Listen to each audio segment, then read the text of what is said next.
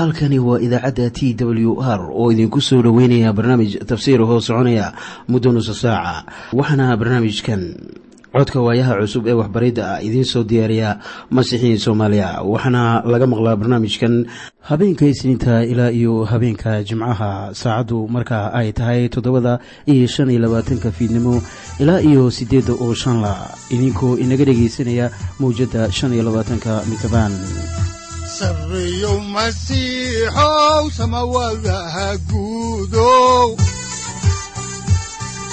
siraadkii adduunkow subanaha eebow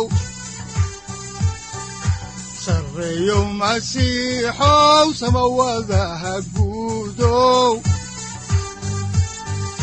siraadkii adduunkow subanaha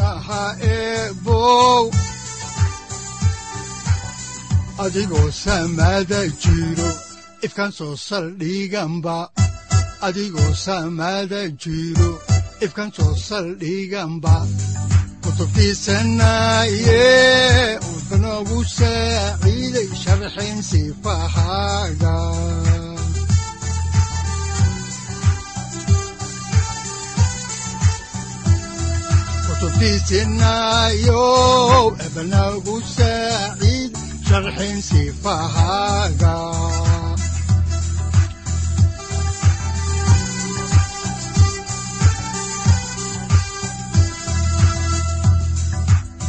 satirow ilaahow adanku su'aalne satirow ilaahow adanku su'aalne safarka kulibana samaha masiixoon sabilahaynaga waxaannu mar kale idiin sii wadi doonaa dhegaystayaal barnaamijkii aynu ka soo xiganaynay kitaabka quduuska ee baibalka waxaana aanu ku jiray tusmooyinka barnaamijyada baibalka dhammaantii ama aynu ku baranayno baibalka barnaamijkan oo aanu hore idinku sheegnay inuu socon doono shan sano. Waayo waxaa dadka aanu wax ka bari doonaa ka bilaabata buugga ugu horreeya ee baibalka oo loo yaqaano bilowgii ilaa iyo buugga ugu dambeeya oo loo yaqaano muujintii barnaamijyadan haddaba taxanaha ah ayaa waxa aanu ugu horumarinay toban barnaamij oo aanu ugu yaray tusmooyinka barnaamijyada. Si markaa aydan ku fahantaan waxbarashada aanu dhowaan idin bilaabi doono. Balse intaa aynan arrinkaa idiin sharaxin aynu dhegaysanno. Qasaa'id ay inoogu luuqayaan culamo soomaaliya oo masiixiyiin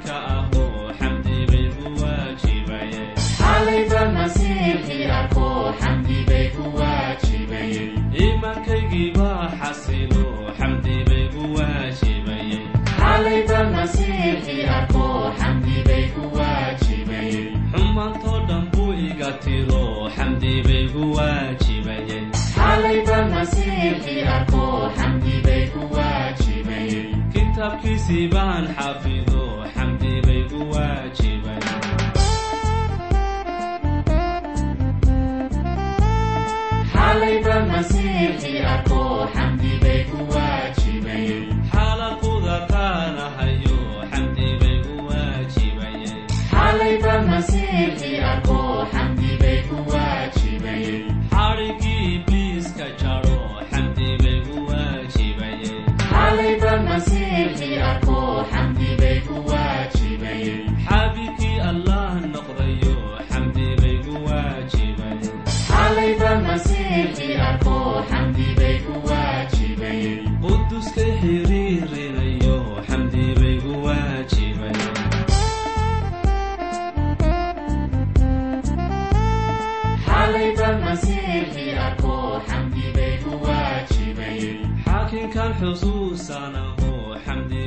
bay ku markiina ugu dambeysay waxaanu ku jiray haddaba maadada iftiiminta oo ahaa maadadii saddexaad ee afar qodob oo aynu horay idinku soo bilownay aanu ka hadalay.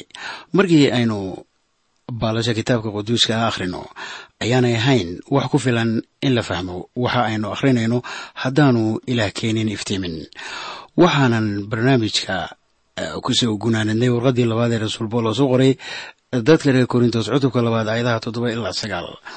Marka haatan aniga iyo adiga waxa aynu garanaynaa waxaan ku ogaanay indhaha iyo dhegaha aan leenahay ama inaan si macquula wax ku weydiino inaanay ahayn tan keliya ee loo baahan yahay.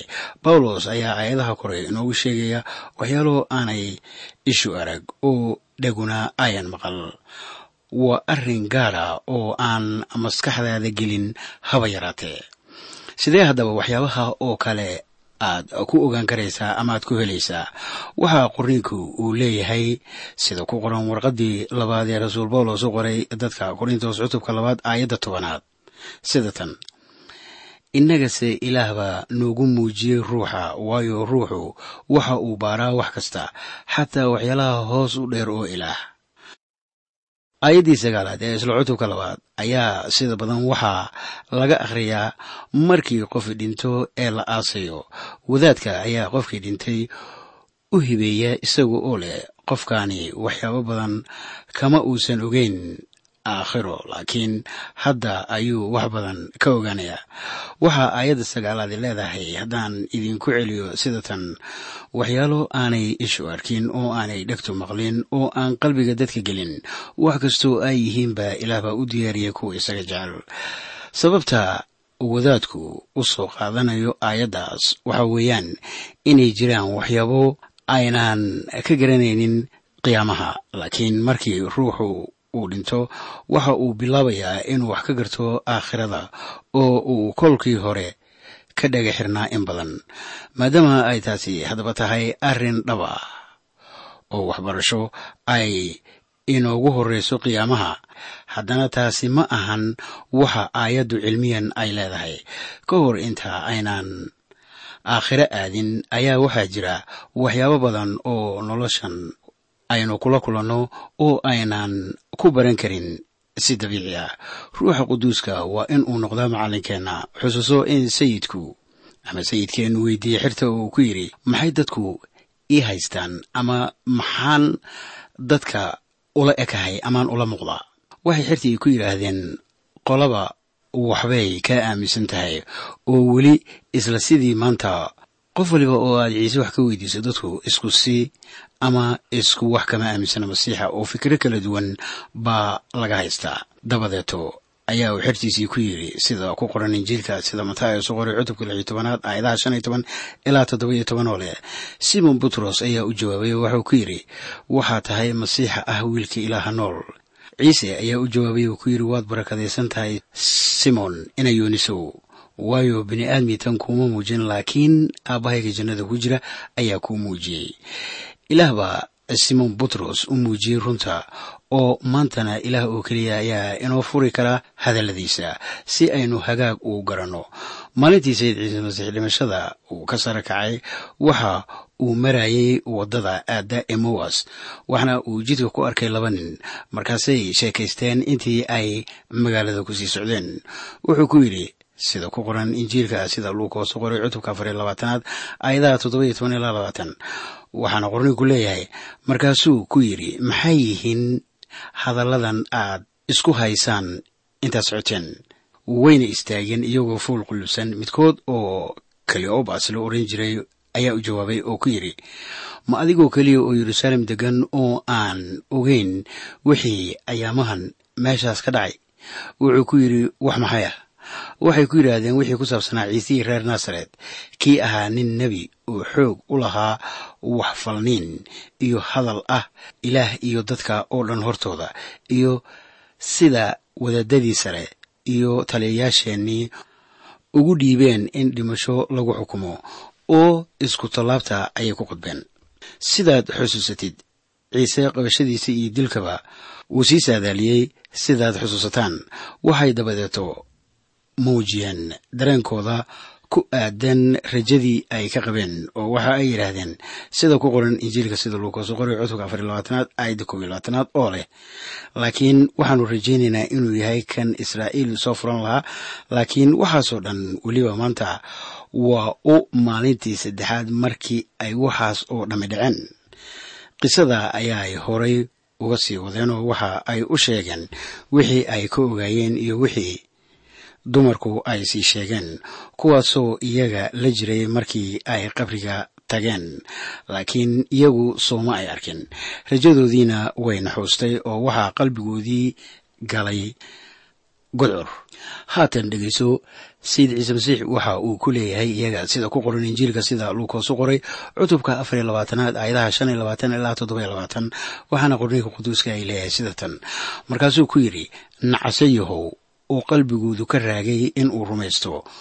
Wixii nebiyadu oo dhammi ay ka hadleen masiixa miyaanay waajib ku ahayn inuu waxaasoo dhan ku silco oo uu ammaantiisa galo. Qorniinka oo dhan ayuu u micneeyey wixii isaga qudhiisa ku saabsanaa.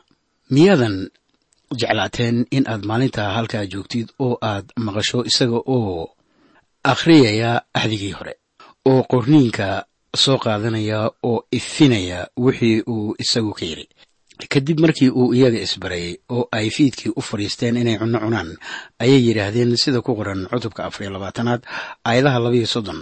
Waa isla injiilka sida luukoosu qoray markaasay isku yidhaahdeen miyaanu qalbigeennu gubanin intuu jidka inagula hadlayey iyo intuu qorniinkii inoo furayey sidaad arkayso waxaannu baranaynaa kitaab ka duwan kuwa kale markaana maahan in aan rumaysanahay oo keliya in kitaabka quduuska ahi hidaayadaysan yahay.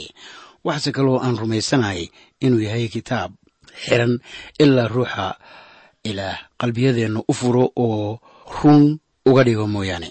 Markii ciise sare kacay kadib oo uu ka soo noqday emowas ayaa uu ku soo noqday yeruusaalem wuxuuna horay u sii ambaqaaday waxbarashadii uu xirta waxbarayay.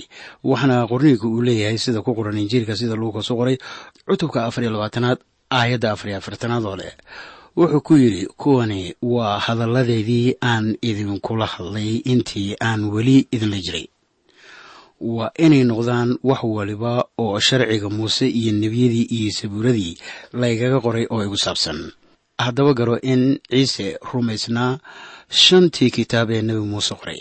Wuxuu rumaysnaa in nebiyadu ka sii hadleen isaga iyo in zabuurku uu ka sii hadlay isaga.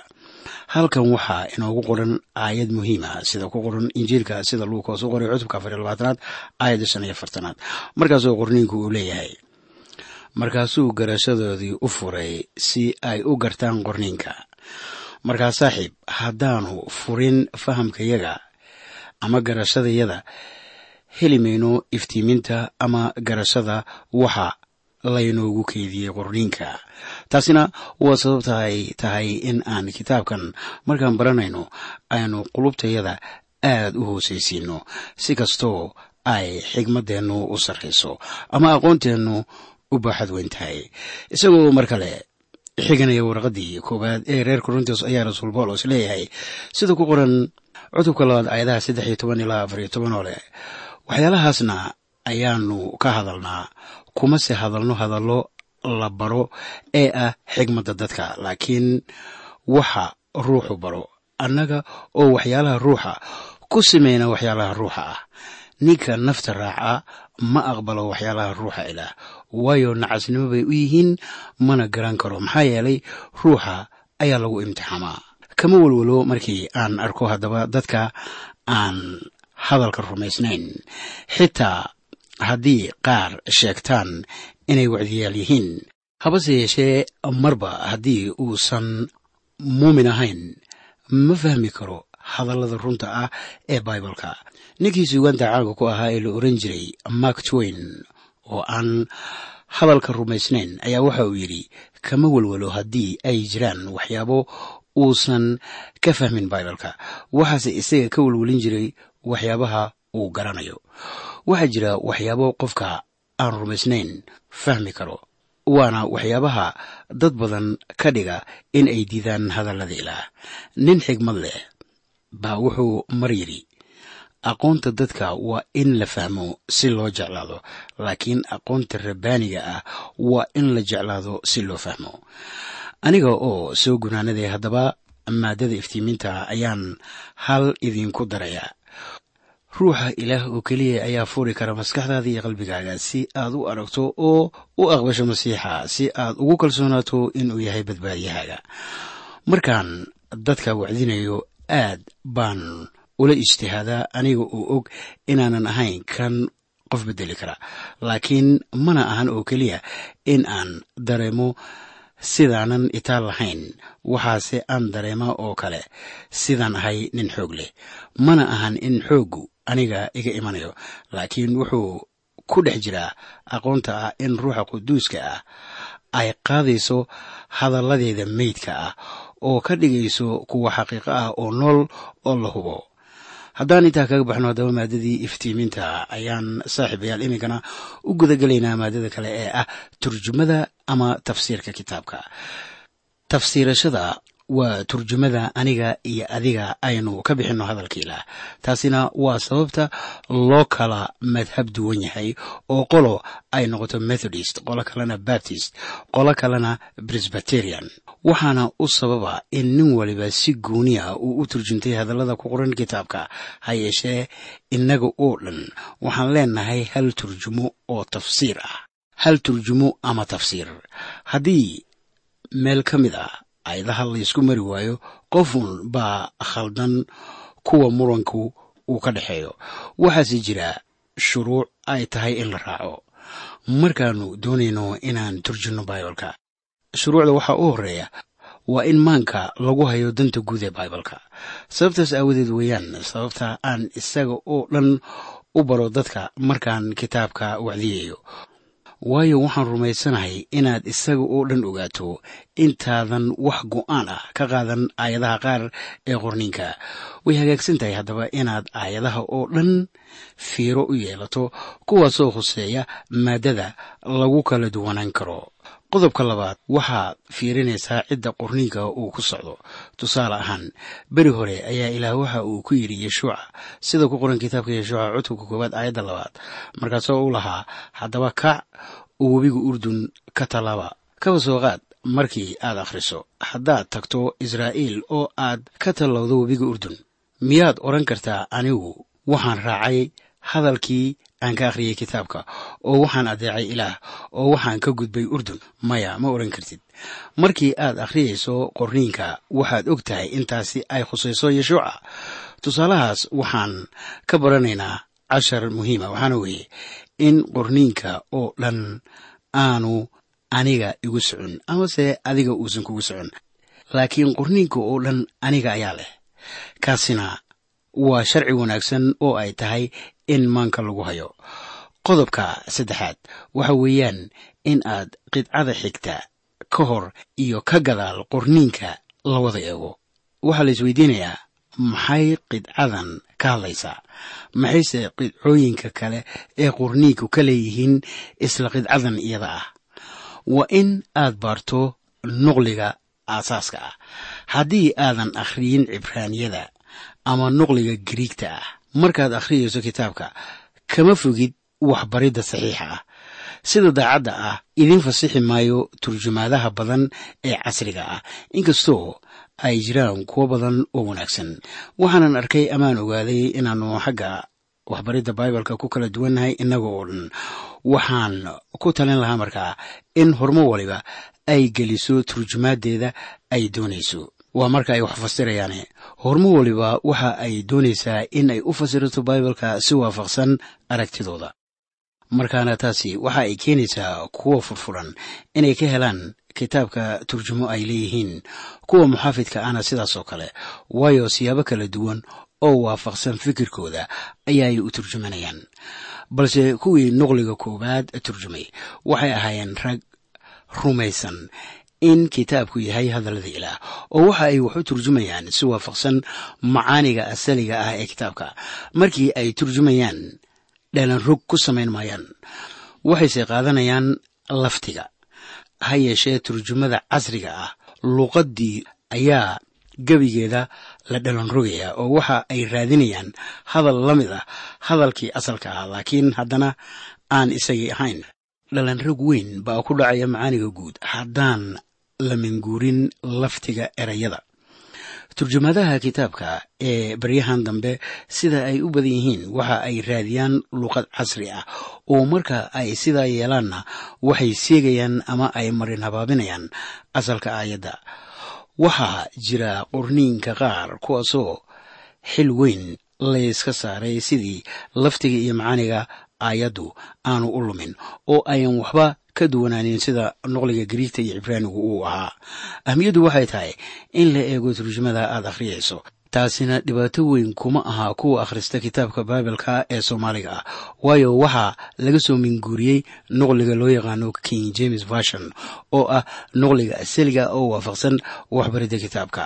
Waxaana rumaysanahay in turjumadii dhexe oo ahayd king james loo daayo turjumada kitaabka soomaaliga ah laba goor ayaa la turjumay waxaana ilo wanaagsan kii hore ee jeldiga buluugga a lahaa inkastoo kan cusub xitaa uusan waxba sidaasa ka duwanayn haddaba qodobka shanaad ee ay tahay in turjumada loo qaabeeyo ayaa waxay tahay in si cilmiyeysan baibalka loo fasiro nin qoraa oo ka tala bixinaya turjumadaha ama tafsiirka ayaa waxau yidhi markii qorniinka oo qayaxan aad ku qanacdo waxba ha raadinin tafsiir kale.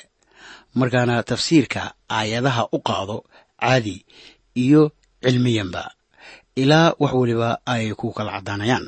Waxaan haddaba filayaa in aad barnaamijyada horudhacaha aad faa'iidooyin badan kala soo baxaysaan.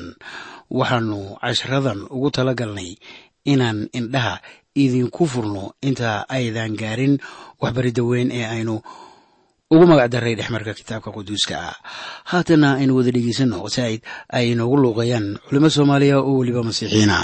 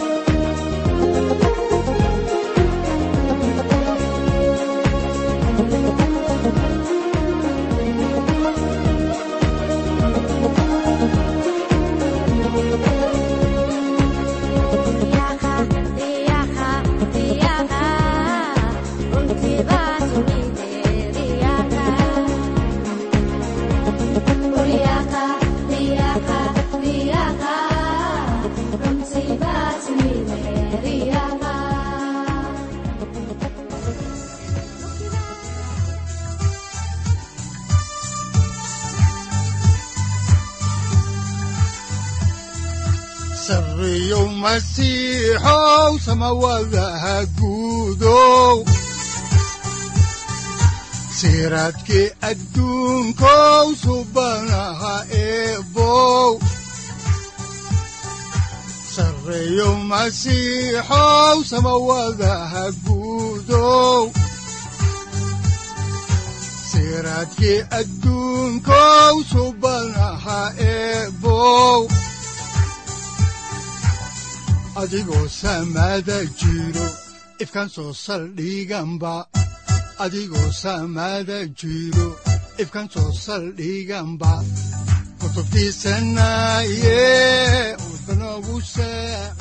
halkani waa t w r idaacadda t w r oo idinku leh ilaa ha idin barakeeyo oo ha idinku anfaco wixii aad caawi ka maqasheen barnaamijka.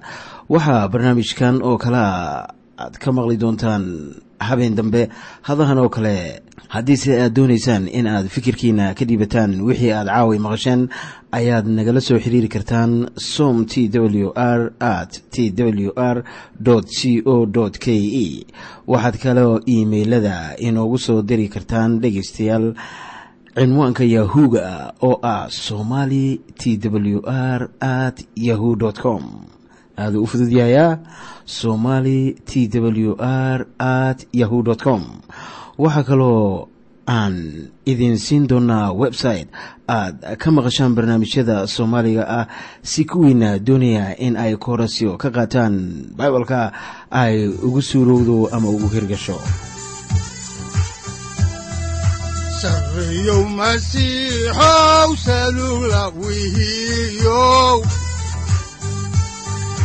saacadda timid dhulka sabada ku dhalatiyo